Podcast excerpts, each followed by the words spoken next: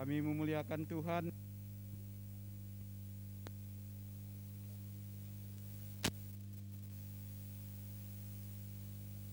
Sampai hari ini. Terpuji termulialah Tuhan. Ketika kami hidup, Tuhan punya maksud dan tujuan supaya setiap manusia mengenal Engkau dan memuliakan Engkau. Dan kami tidak dapat memuliakan Engkau sebelum kami menjadi manusia baru dilahirkan kembali. Oleh karena itu Engkau sudah menyediakan jalan keselamatan bagi kami melalui Yesus Kristus yang sudah mati untuk kami dan menjadikan hidup kami ini menjadi milik Allah dan semua tujuan hidup kami, visi kami adalah kami arahkan kepada Tuhan. Oleh karena kemurahan-Mu ada firman-Mu bagi kami yang membuat kami, mengarahkan kami, menggiring kami kepada jalan Tuhan. Biarlah inilah yang menjadi selalu perjuangan kami. Kami mau digiring dan kami mau diarahkan kepada kebenaran-kebenaran Tuhan kalau kami sudah menjadi orang percaya. Dan inilah kesempatan kami hari ini untuk mendengar sabdamu yang kekal, yang benar itu. Oleh karena itu, hati kami kami beri kepada Tuhan telinga kami yang terbaik. Kami beri kepada Tuhan. Kiranya Tuhan beranugerah bagi kami. Biar kami menjadi orang-orang pelaku-pelaku firman Tuhan dan akan membuat hidup kami ini berbahagia. Di dalam nama Tuhan Yesus, kami berdoa dan memohon pertolonganmu. Amin. Silakan duduk Bapak Ibu, selamat pagi bagi kita semua. Salam bagi kita semua. Salam. Iya, saya melihat pagi ini luar biasa karena saya melihat ternyata jam 7 itu ternyata kita bisa semua beribadah. Ya.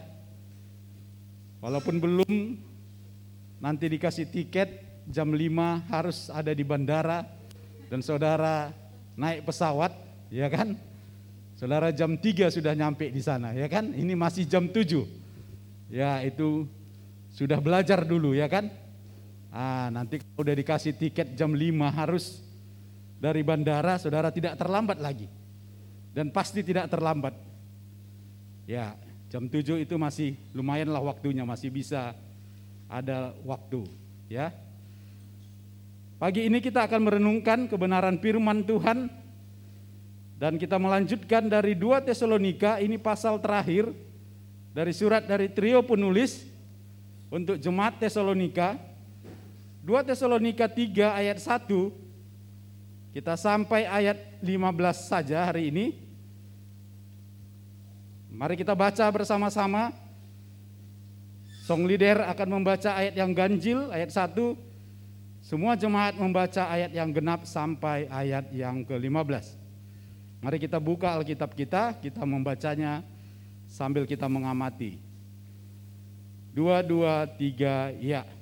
Selanjutnya saudara-saudara, berdoalah untuk kami supaya firman Tuhan beroleh kemajuan dan dimuliakan sama seperti yang telah terjadi di antara kamu. Dan, supaya, kami terlepas dari pengacau dan orang-orang jahat, sebab bukan semua orang beroleh iman. Tetapi Tuhan adalah setia. Ia akan menguatkan hatimu dan memelihara kamu terhadap yang jahat. Dan kami percaya dalam Tuhan bahwa apa yang kami pesankan kepadamu, kamu lakukan dan akan kamu lakukan. Kiranya Tuhan tetap menunjukkan hatimu kepada kasih Allah dan kepada ketabahan Kristus. Tetapi kami berpesan kepadamu, saudara-saudara, dalam nama Tuhan Yesus Kristus, supaya kamu menjauhkan diri dari setiap saudara yang tidak melakukan pekerjaannya dan yang tidak menurut ajaran yang telah kamu terima dari kami.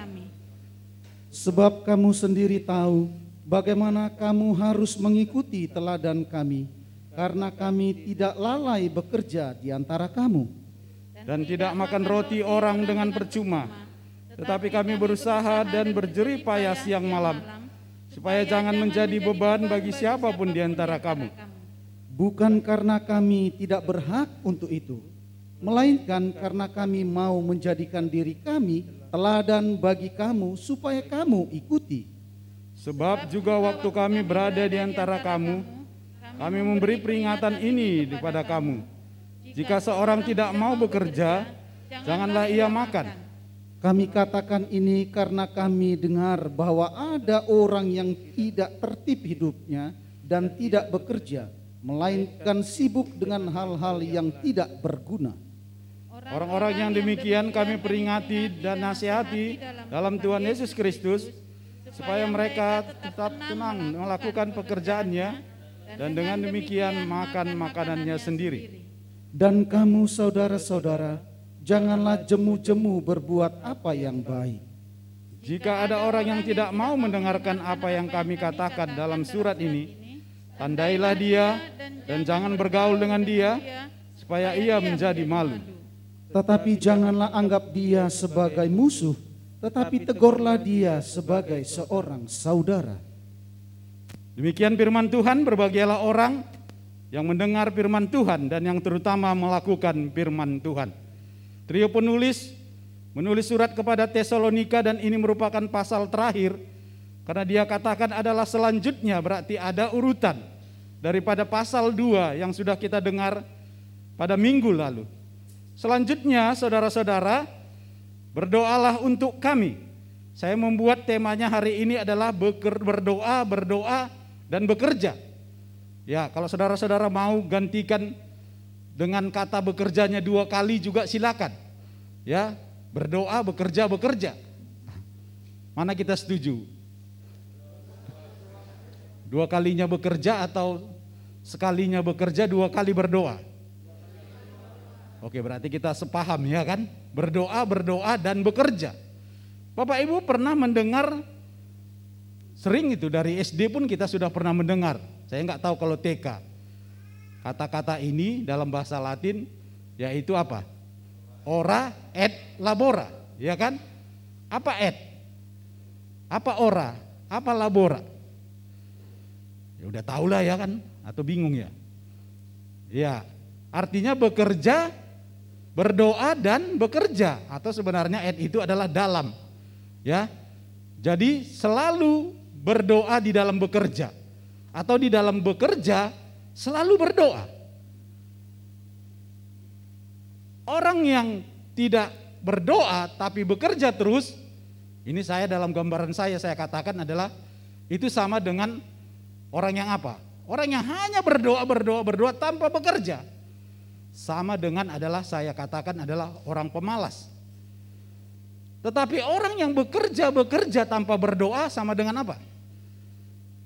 Gak tahu ya. Saya buat adalah istilahnya adalah sama dengan orang yang sombong. Ya, apakah ini juga bisa menjadi statement yang baru gitu ya? Bekerja bekerja tanpa berdoa adalah orang yang sombong karena dia rasa dengan bekerja bekerja tanpa perlu berdoa dia bisa bekerja. Tapi orang yang hanya berdoa saja tanpa bekerja saya buat adalah orang pemalas. Karena Tuhan menyuruh kita, panggilan kita pertama bagi Adam dan Hawa di kejadian adalah supaya kita bekerja. Mengusahakan taman, lalu di apa disuruh? Untuk menamai semua nama atau buah ataupun binatang di dalam taman Eden. Panggilan kita adalah panggilan bekerja. Dan bekerja adalah satu wujud iman kita sebagai orang Kristen. Oleh karena itu saya membuat membagi dua tema yang besar atau isi bagian ini ayat 1 sampai 5 adalah berbicara tentang berdoa dulu. Dari ayat ini. Dan ayat 6 sampai 15 saya bagi menjadi adalah kata bekerja, maka ora et labora. Apa yang kita lihat dari doa, berdoa? Ayat satu saja dimulai dikatakan oleh trio ini, saudara-saudara, berdoalah untuk kami. Sering kita mendengar selama ini adalah bagaimana trio ini selalu berdoa untuk jemaat Tesalonika. Kan itu kan? Dia berdoa, berucap syukur, berdoa. Dan tidak ada alasan kami untuk tidak mengucap syukur. Pasti itu di dalam ungkapan, di dalam doa. Tetapi tahukah kita hari ini Bapak Ibu, saudara-saudara, Ternyata trio ini juga bermohon kepada jemaat Tesalonika supaya apa? supaya jemaat Tesalonika mendoakan trio ini. Trio ini adalah Paulus, Silas dan Timotius. Adalah orang-orang rohani ya, tetapi hari ini kita harus tahu bahwa kita juga harus mendoakan hamba Tuhan kita. Karena selama ini hamba Tuhan kita juga sudah berdoa untuk kita. Jadi jangan merasa kalau kami minta doa, masa Bapak Pendeta minta doa? Ya kan gitu ya. Nah, kamilah yang harus didoakan. Ternyata hari ini siapa pun dia, sekuat apa pun dia, sekaliber apa pun dia imannya, walaupun imannya tingkat dewa, tetapi hari ini kita belajar bahwa perlu didoakan. Hamba Tuhan perlu didoakan, trio ini meminta adalah supaya berdoa untuk kami. Bapak Ibu sudah mendoakan hamba Tuhannya? Ya, puji Tuhan, ya kan? Tapi ini dikatakan mendoakannya terus menerus, bukan waktu mood, bukan waktu suka atau tidak suka. Kalau nggak suka sama hamba Tuhannya nggak didoakan, ya kan? Ah, ah parahnya itu. Ah, misalnya begitu, ya kan? Ada kita nggak didoakan. Ah, itu sama dengan orang yang mengirim misi ke ladang misi karena sponsornya tidak suka tak dikirim uangnya. Matilah dia di sana ya kan? Waktu dia bertengkar sama istrinya mungkin ya kan? Jadi jangan seperti itu. Mendoakan hamba Tuhan adalah satu perintah Tuhan. Sebagaimana trio ini berkata selanjutnya berarti ini ada yang penting dalam pasal terakhir. Dia berkata berdoalah untuk kami saudara-saudara berdoalah untuk kami dan apa yang didoakan ya request ini ya tentang doa kan. Maka saya senang kalau saya membaca di dalam komsel siapa itu selalu saya lihat setiap hari apa saya melihat ibu, bapak apa yang mau didoakan? Komsel siapa itu? Tak berjuang ada di sini ya? Oh, Boyo aja lupa ini berarti ini doakannya ini. ya, ya selalu dia mengatakan adalah apa yang mau didoakan gitu. Ya, maaf kalau kami itu HP itu adalah boleh dia boleh ibu, boleh saya membuka. Kami tidak ada rahasia. Maka kadang-kadang saya yang menjawabnya itu ya. Ah, ya saya yang menjawabnya itu karena memang saya tahu apa yang mau didoakan. Ya itu bagus sekali ya kan. Karena memang ini adalah firman Tuhan berdoalah untuk kami. Doanya topik doanya apa? Supaya firman Tuhan apa? beroleh kemajuan dan dimuliakan. Bapak Ibu mungkin selama ini sudah banyak topik doa kita kepada hamba Tuhan kita. Bolehkah kita menambahkan hal yang penting hari ini dan tidak lupa kalaupun nggak ditanyakan, ya ini grup-grup komsel siapa pun mendoakan, kalaupun nggak ditanya tiap minggu, ini harus didoakan supaya melalui hambanya ini trio ini apa? Firman Tuhan itu beroleh kemajuan. Jadi firman Tuhan, Injil itu harus maju. Jangan mundur, jangan stagnan, jangan berhenti. Melalui gereja ini firman Tuhan maju. Firman Tuhan bertumbuh melalui hamba Tuhan ini. Beroleh kemajuan. Bertumbuh itu artinya. Apakah firman Tuhan dan Injil di dalam diri kita yang sudah kita terima itu beroleh kemajuan melalui kita? Atau diam sampai kita? Siam sampai di gereja ini saja tidak pernah keluar. Atau bahkan mungkin kita katakan sudah maju pak, sudah bertumbuh apa? Umurku bertambah. Puji Tuhan ya kan? Ah, gemukku tambah pak. Kan itu yang bertambah, itu yang bertumbuh. Tapi bagaimana dengan Injil atau firman Tuhan? Apakah semakin bertumbuh, semakin maju? Kan ini adalah beroleh kemajuan. Saudara-saudara ini dalam bahasa Yunani adalah istilah di dalam atlet atau seorang pelari. Jadi Injil atau firman Tuhan yang sudah ada kita pegang itu harus beroleh kemajuan. Contohnya bagaimana trio ini membuat Injil itu makin maju. Bagaimana dulu dari Filipi langsung ke Tesalonika dan jemaat Tesalonika sendiri bagaimana firman Tuhan dan Injil itu beroleh kemajuan. Dulu di wilayah Makedonia saja, tetapi sudah melintasi daerah Akaya. Jadi secara kuantitas juga Injil harus maju, harus bertumbuh. Jangan hanya sampai kepada kita saja, sampai kepada keluarga, sampai kepada saudara, bahkan sampai ke ujung-ujung bumi. Jadi ini harus didoakan supaya beroleh kemajuan. Sudahkah maju Injil itu hanya berhenti sampai kita? Sudahkah maju Injil itu hanya sampai di gereja ini saja, tapi gereja ini tidak membuat firman Tuhan atau Injil beroleh kemajuan. Bapak Ibu, melalui majelis yang perdana, satu hal beban yang sudah ditaruhkan adalah, dan itu adalah visi kita bersama adalah setiap tahun kita harus membuat firman Tuhan semakin maju. Salah satu apa? Apa yang majelis ini tahu? Minimal setiap tahun ada pos BI yang harus didirikan. Dan di mana ada pos BI, di situ ada sekolah. Kan artinya beroleh kemajuan. Jangan berhenti hanya satu-satu terus. Pos BI seumur hidup dari kekekalan alfa dan omega tetap satu gitu. Istri yang boleh satu. Ya, itu nggak boleh bertambah. Ya ingat.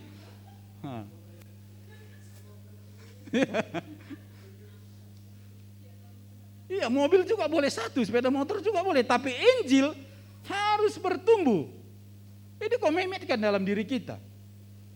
Maka ini jadi beban kita semua bukan hanya majelis. Ya, harus setiap satu dalam satu tahun minimal pos PI akan didirikan dan sekolah akan didirikan supaya Injil itu, firman Tuhan itu terus ber, bertumbuh dan maju. Bapak Ibu ini luar biasa karena apa? Karena jangan nanti misalnya saya katakan jemaat ataupun majelis tidak menangkap visi ini. Ini sudah dibukakan oleh Tuhan. Kenapa? Saya katakan bahwa bisa orang yang tidak kita kenal artinya kenal hanya secara kenal. Tapi mau menyediakan apa yang kita visi menjadi visi kita ini. Saya katakan bahwa ada orang yang mendengar pelayanan ini. Dia ada di Nusa Tenggara sana dan dia sudah berbicara kepada saya, saya bertelepon kepada saya, ya, dia bilang ada tanah kami di Sibolga, sekitar 100, 1 hektar. Kalau bapak ibu mau pakai itu, kami akan serahkan kalau mau dipakai untuk mau sekolah, apakah mau dipakai pos P. Jadi bagaimana visi itu yang ditaruhkan Tuhan orang lain yang nanti menggenapinya. Kenapa kita nggak bersemangat? Justru jemaat kita yang tidak bersemangat misalnya. Padahal ini harus sehubungan dengan bahwa firman Tuhan harus bekerja, bertumbuh. Ya, firman Tuhan harus menyebar. Ada juga di lubang hidup Pak Pris yang rela menyerahkan tanahnya untuk kita buat pos PI apakah sekolah. Jadi sudah di PC ini sudah saya kira ini dari Tuhan sehingga orang-orang digerakkan oleh Tuhan. Dan ada orang yang apa? Beberapa bulan yang lalu juga ini bukan jemaat kita, banyak bukan orang jemaat kita gitu.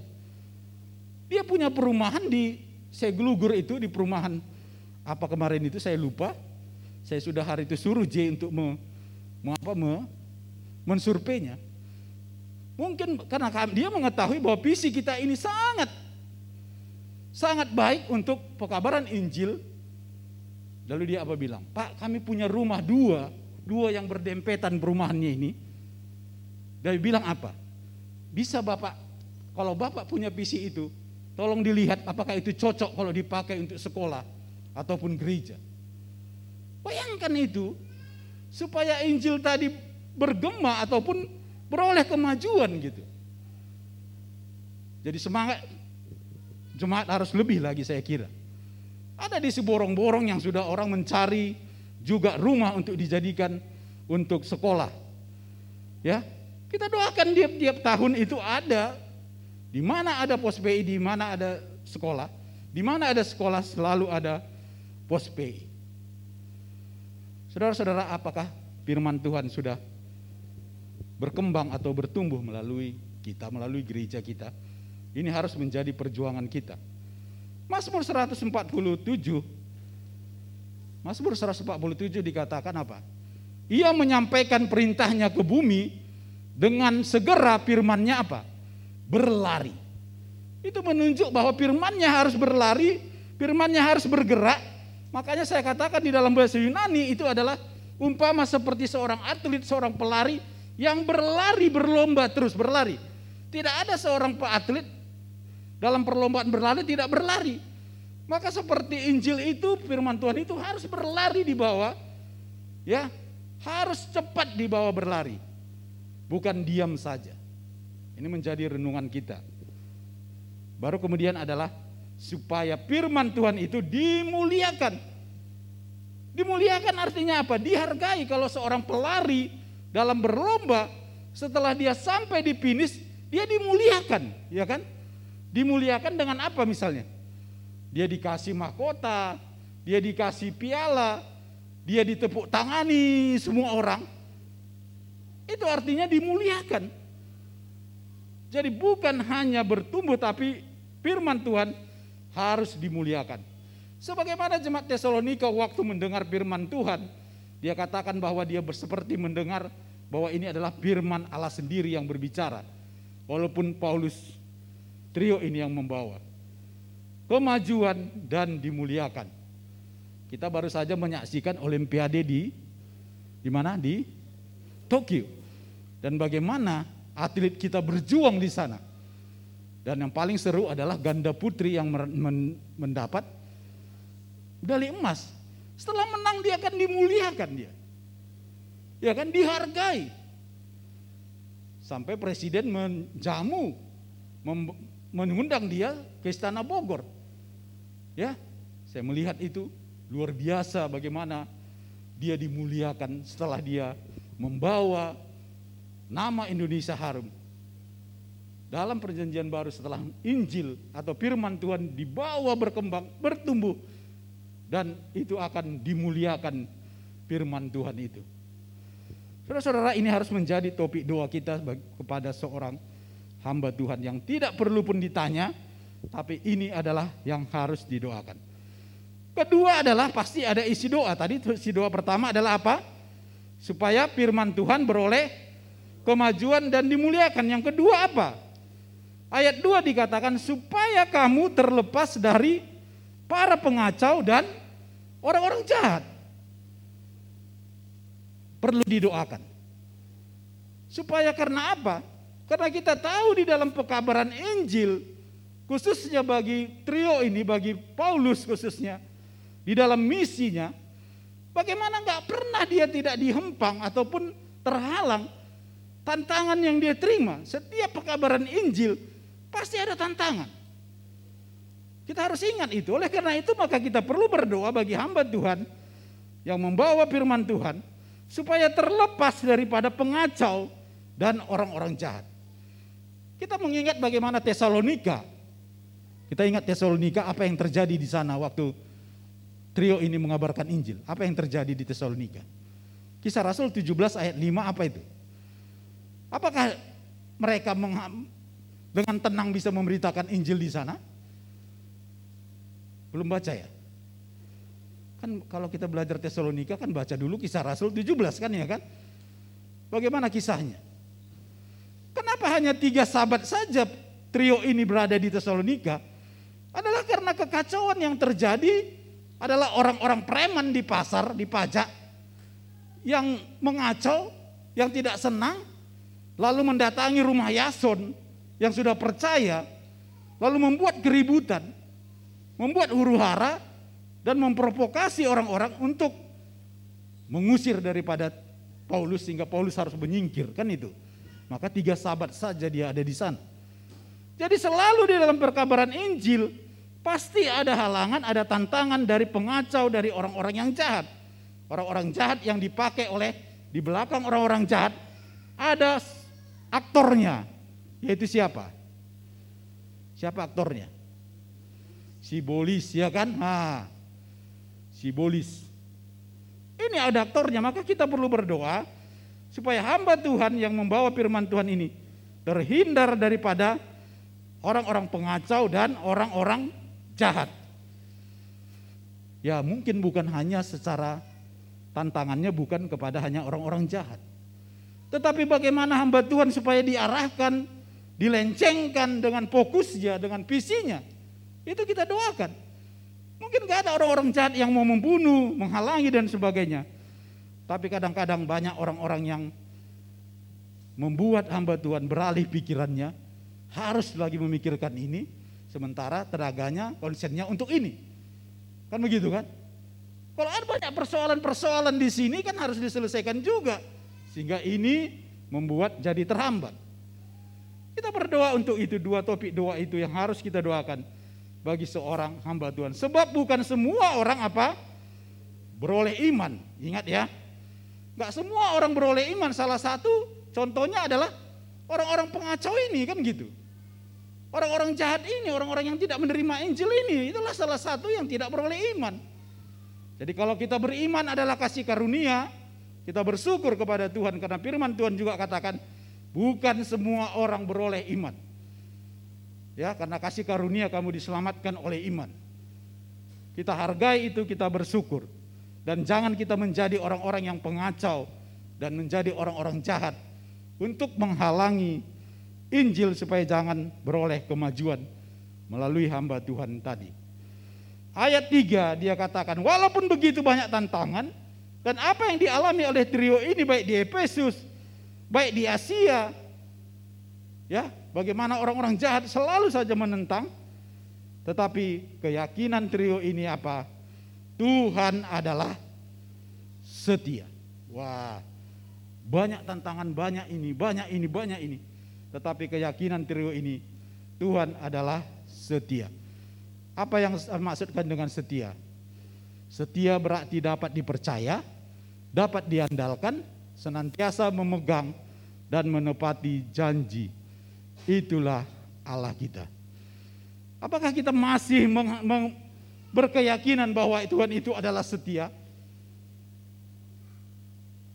Walaupun begitu banyak tantangan yang kita hadapi, permasalahan, tapi kita tahu bahwa Tuhan itu adalah setia yang bisa kita andalkan, yang selalu memegang dan menepati janjinya.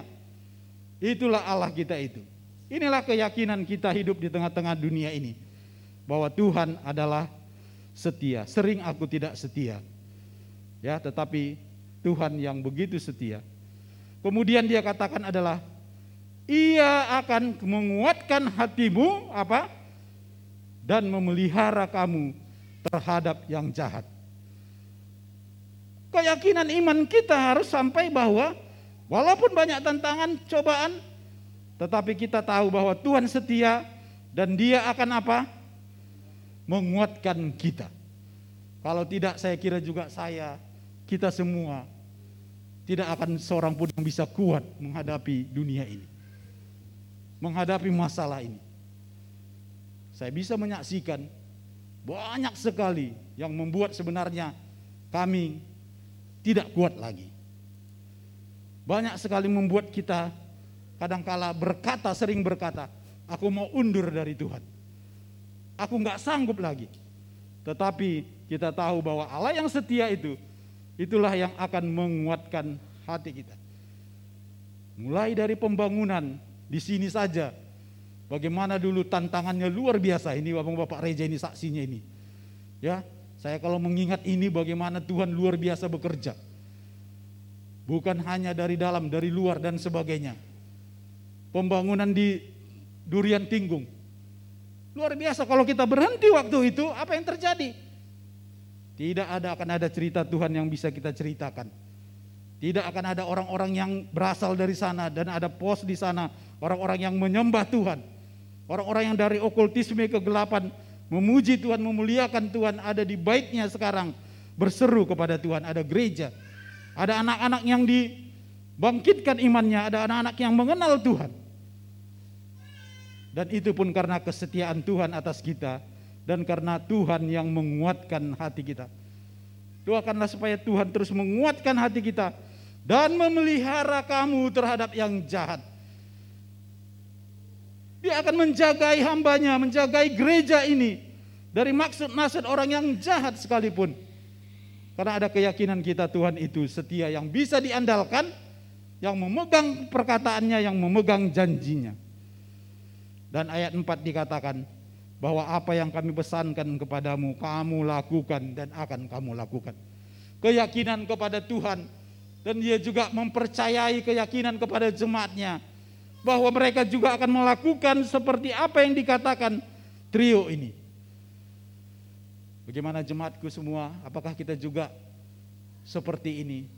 Seperti keyakinan trio ini kepada jemaat ini bahwa bukan hanya kepada Tuhan yang menguatkan dan setia dan memelihara kita, tetapi juga trio ini percaya kepada jemaat Tesalonika bahwa apa yang dipesankan, apa yang diajarkannya, kamu akan lakukan dan akan kamu lakukan. Ada yang belum kamu lakukan, tapi kamu berjanji mau melakukan. Amin. Bolehkah pengharapan yang sama juga saya tujukan kepada kita hari ini? Bahwa kita akan melakukan dan akan melakukan. Saya sudah melakukan dan akan akan akan terus melakukan apa yang sudah dipesankan, apa yang sudah dikerjakan, apa yang sudah diajarkan oleh trio ini. Ayat 5 mari kita baca bersama-sama, dua dua tiga ya. Kiranya Tuhan tetap menunjukkan hatimu kepada kasih Allah dan kepada ketabahan Kristus. Saudara-saudara, ini sangat perlu bagi kita. Kenapa kita merasa gelap hidup ini? Kenapa tidak bisa ada ucapan syukur? Begitu banyaknya yang harus kita katakan syukur kepada Tuhan.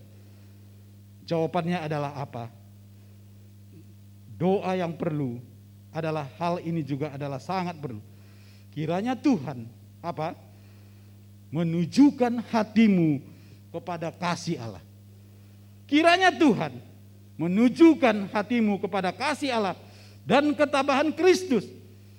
Seringkali persoalan kita yang sepele, yang kecil, kita besar-besarkan. Sehingga kita nggak melihat ada kasih Tuhan. Kita tidak melihat begitu luar biasanya ketabahan Tuhan. Sehingga mata kita ini gelap. Maka saya katakan apa statementnya itu. Kita dalam persoalan mata kita melihat semua pintu-pintu seperti terkunci. Karena kita fokus kepada pintu-pintu yang semua yang terkunci, kita lupa bahwa ada jendela yang terbuka. Ngerti maksud saya? Iya. Semua dalam masa Covid, semua ancaman, ketakutan, tidak melakukan apa-apa. Tapi kita bisa melihat nggak ada jendela yang kecil yang bisa terbuka, yang bisa masuk matahari dari sana, yang bisa masuk cahaya dari sana, yang bisa kita keluar dari sana, kalaupun di sini semua terkunci gitu. Bukankah persoalan kita sering seperti itu? Masalah kita seperti luar biasa sekali. Dan kita tidak bisa melihat ketabahan hati Tuhan. Kita tidak bisa melihat apa? kasih Tuhan di dalam hidup kita. Maka Paulus katakan, doalah supaya mereka ini, supaya jemaat ini ditujukan hatinya kepada kasih Tuhan. Benar Tuhan engkau mengasihi aku. Apalah artinya hidupku ini? Kalau bukan karena kasihmu. Benar Tuhan engkau begitu tabah kepadaku. Perlu kita doakan ini? Adakah sekarang yang sedang merasa gelap semuanya? melihat pintu dan jendela semua terkunci. Padahal ada satu yang sudah disediakan Tuhan terbuka. Tapi karena kita tidak melihat. Makanya kiranya Tuhan tetap menunjukkan hatimu kepada kasih Allah dan kepada ketabahan Kristus. Tuhan adalah yang kasih itu. Tuhan Yesus yang adalah tabah itu. Biarlah matamu melihat itu. Walaupun di belakang ini memang banyak kali persoalan. Banyak sekali tantangan. Seperti trio ini menghadapi kadang mau maut siap, kadang nggak makan, kadang ada orang meninggalkan dia, tetapi dia katakan hatiku tertuju kepada kasih Tuhan. Hatiku tertuju kepada ketabahan Kristus. Inilah membuat kita bisa maju dan bergerak. Ayat 6 sampai ayat 15. Sekarang dia berpesan tentang apa? Labora. Kan gitu ya kan? Tentang bekerja. Tadi tentang doa, tentang orai. Tetapi kami berpesan kepadamu saudara-saudara, dalam nama Tuhan Yesus Kristus apa? Supaya kamu menjauhkan diri dari setiap saudara yang tidak melakukan pekerjaannya dan yang tidak menurut ajaran yang telah kamu terima dari kami. Ayat 7, sebab kamu sendiri tahu bagaimana kamu harus mengikuti teladan kami sampai ayat 8, 9. Yang kedua adalah pesannya adalah supaya kita bekerja karena ada jemaat Tesalonika yang sudah bermalas-malasan tidak bekerja, tidak tertib hidupnya dan ini perlu ditegur. Suratnya yang terakhir menegur orang-orang yang tidak tertib di dalam kehidupannya. Ada orang-orang yang malas bekerja, tidak melakukan pekerjaannya. Ya, dan yang tidak menurut ajaran yang telah kamu terima dari kami. Apalagi ajaran tentang kedatangan Yesus yang sudah mereka tanggapi dengan salah membuat mereka melenceng, etikanya tidak benar, bermalas-malasan saja, tidak mau bekerja. Oleh karena itu, trio ini mengatakan apa? Supaya kamu apa? Menjauhkan diri. Kemudian ayat berapa? Menandai dia. Ayat berapa yang menandai? Ayat 14, jika ada orang yang tidak mau mendengarkan apa yang kami katakan dalam surat ini bagaimana? Tandailah dia dan jangan bergaul dengan dia supaya ia menjadi malu. Saudara-saudara jangan pikir mager itu gak dosa. Hari ini bilang ini pemuda-pemudi mager itu dosa dosa keras yang ditegur oleh Paulus. Bayangkan sampai ayat 6 sampai ayat 15 dia menyinggung menegur dosa-dosa yang malas. Oh pak dosa itu kan berzina. Iya. Oh pak dosa itu apalagi mencuri dan sebagainya. Iya. Tapi hari ini luar biasa. Trio ini menegur dengan keras. Ayat 6 sampai ayat 15 dia berbicara bahwa kamu harus bekerja. Penyakit Tesalonika itu tabiatnya itu yang nggak baik itu ini malas bekerja. Kalau jemaat Efesus apa tabiatnya yang harus ditinggalkannya? Siapa pernah membaca Efesus? Sama-sama kan dari penyembah berhala, Efesus juga penyembah berhala. Tesalonika juga begitu. Apa di situ yang ditegur kalau kita membaca Efesus? Jikalau dulu kamu mencuri apa? Jangan kamu mencuri lagi. Sampai di situ. Tapi bekerjalah dengan keras apa?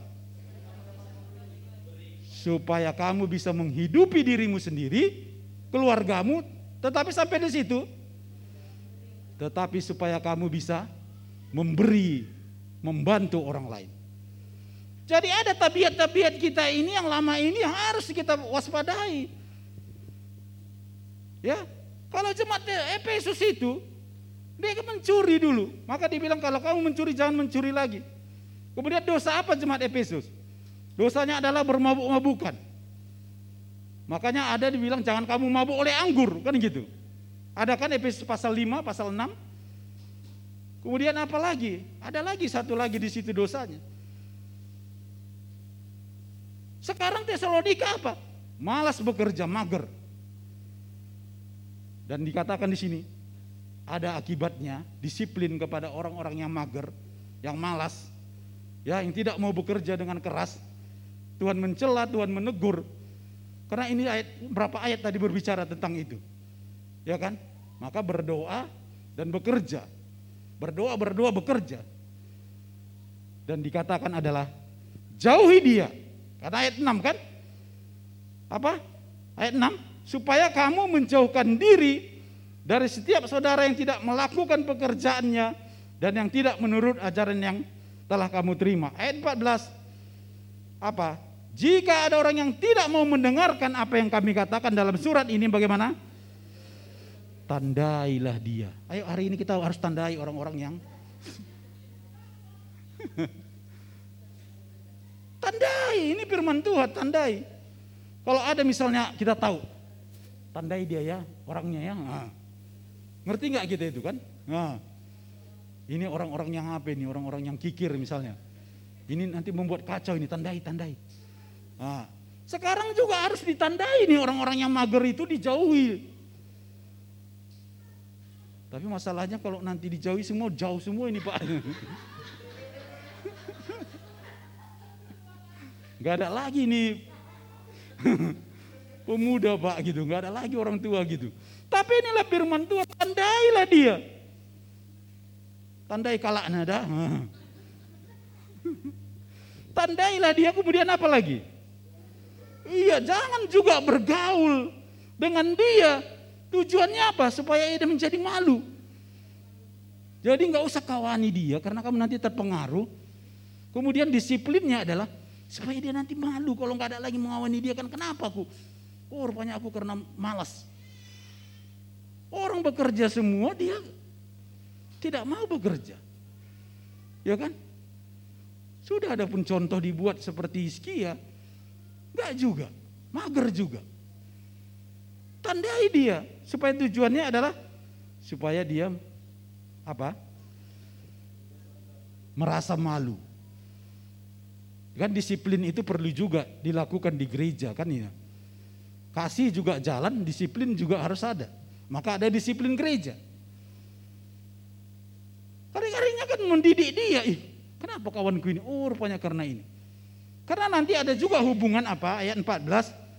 Ayat berapa yang lakukan terus pekerjaan baik? Memberi ayat 13. Dan kamu saudara-saudara janganlah jemu-jemu berbuat apa yang baik. Ini orang-orang yang baik sudah jemu berbuat baik kepada orang-orang yang mana? Kepada yang malas itu. Jadi ditegur, diingatkan ini. Karena apa? Terus dia ditraktir makan, terus ditraktir makan. Hah, karena nggak bekerja nggak ada uangnya, iya kan? Terus dibantu, terus dibantu. Akhirnya apa? Oh gini, malas-malas tidur-tiduran. Nah, aku capek ini. Malas dia berbuat baik. Maka dia bilang, udahlah jangan ber, berbuat baik. Disiplinkan aja dia supaya dia sadar diri. Kalau nanti dia nggak dikasih terus kan berhenti dia. Mana aku makan ya? ku carilah dulu kerjalah aku di BPK dan sebagainya kan gitu. Akan tegurlah dia dan apa? Jangan kawani dia supaya dia sadar, ya menjadi malu. Tapi dia harus ditegur sebagai saudara, jangan musuh ya kan? Ah, kawan juga. Malasnya itu yang benci gitu. Yang kita tolak. Kalau orangnya jangan ditolak kan gitu. Nah, kasih kita terus ada. Tegurlah dia sebagai saudara. Saudara-saudara, inilah firman Tuhan bagi kita. Jangan kita pikir hanya mencuri dosa serius. Tapi dosa malas berkali-kali Yesus menyinggung. Maka dia katakan orang yang tidak bekerja tidak boleh makan. Dan teladan itu sudah ditunjukkan oleh Paulus sendiri Bagaimana dia bekerja dengan keras dikatakannya siang malam saya bekerja. Teladan itu sudah ditunjukkan oleh hamba Tuhannya bekerja. Dan Amsal juga Salomo sangat mencela orang-orang yang malas. Tidak ada orang yang ditakdirkan miskin. Tetapi karena ada orang miskin karena kemalasannya. Itu yang membuat orang miskin. Pemuda-pemudi hari ini saling menandailah kalian ya.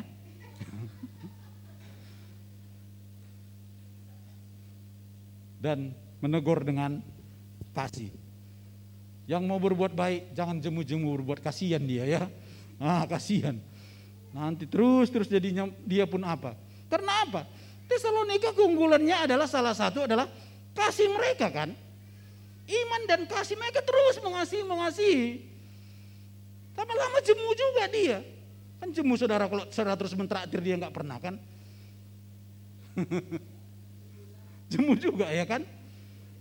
Berbuat baik terus tapi dia tidak malas lah. Udah dibantu tapi dia bisa juga hidup mewah. Kita lihat kan kesel gitu. Dia royal misalnya nggak hemat gitu. Maka kalaupun begitu kata firman Tuhan, udahlah jangan jemu-jemu berbuat baik. Ah, memang kau jemaat ini kasihnya itu luar biasa kan gitu. Tesalonika keunggulannya itu. Iman, pengharapan dan kasih kan gitu. Iya. Jadi hari ini bertobatlah sebab kerajaan Allah sudah dekat. Mari kita berdoa.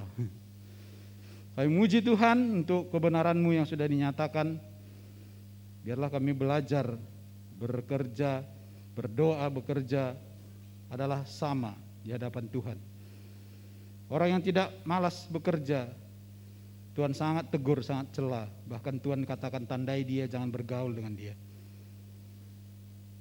Orang yang hanya berdoa tapi tidak bekerja juga adalah sombong atau memalas. Tapi orang yang bekerja saja tanpa berdoa menunjukkan keangkuhan dirinya bahwa dia bisa melakukan segala sesuatu.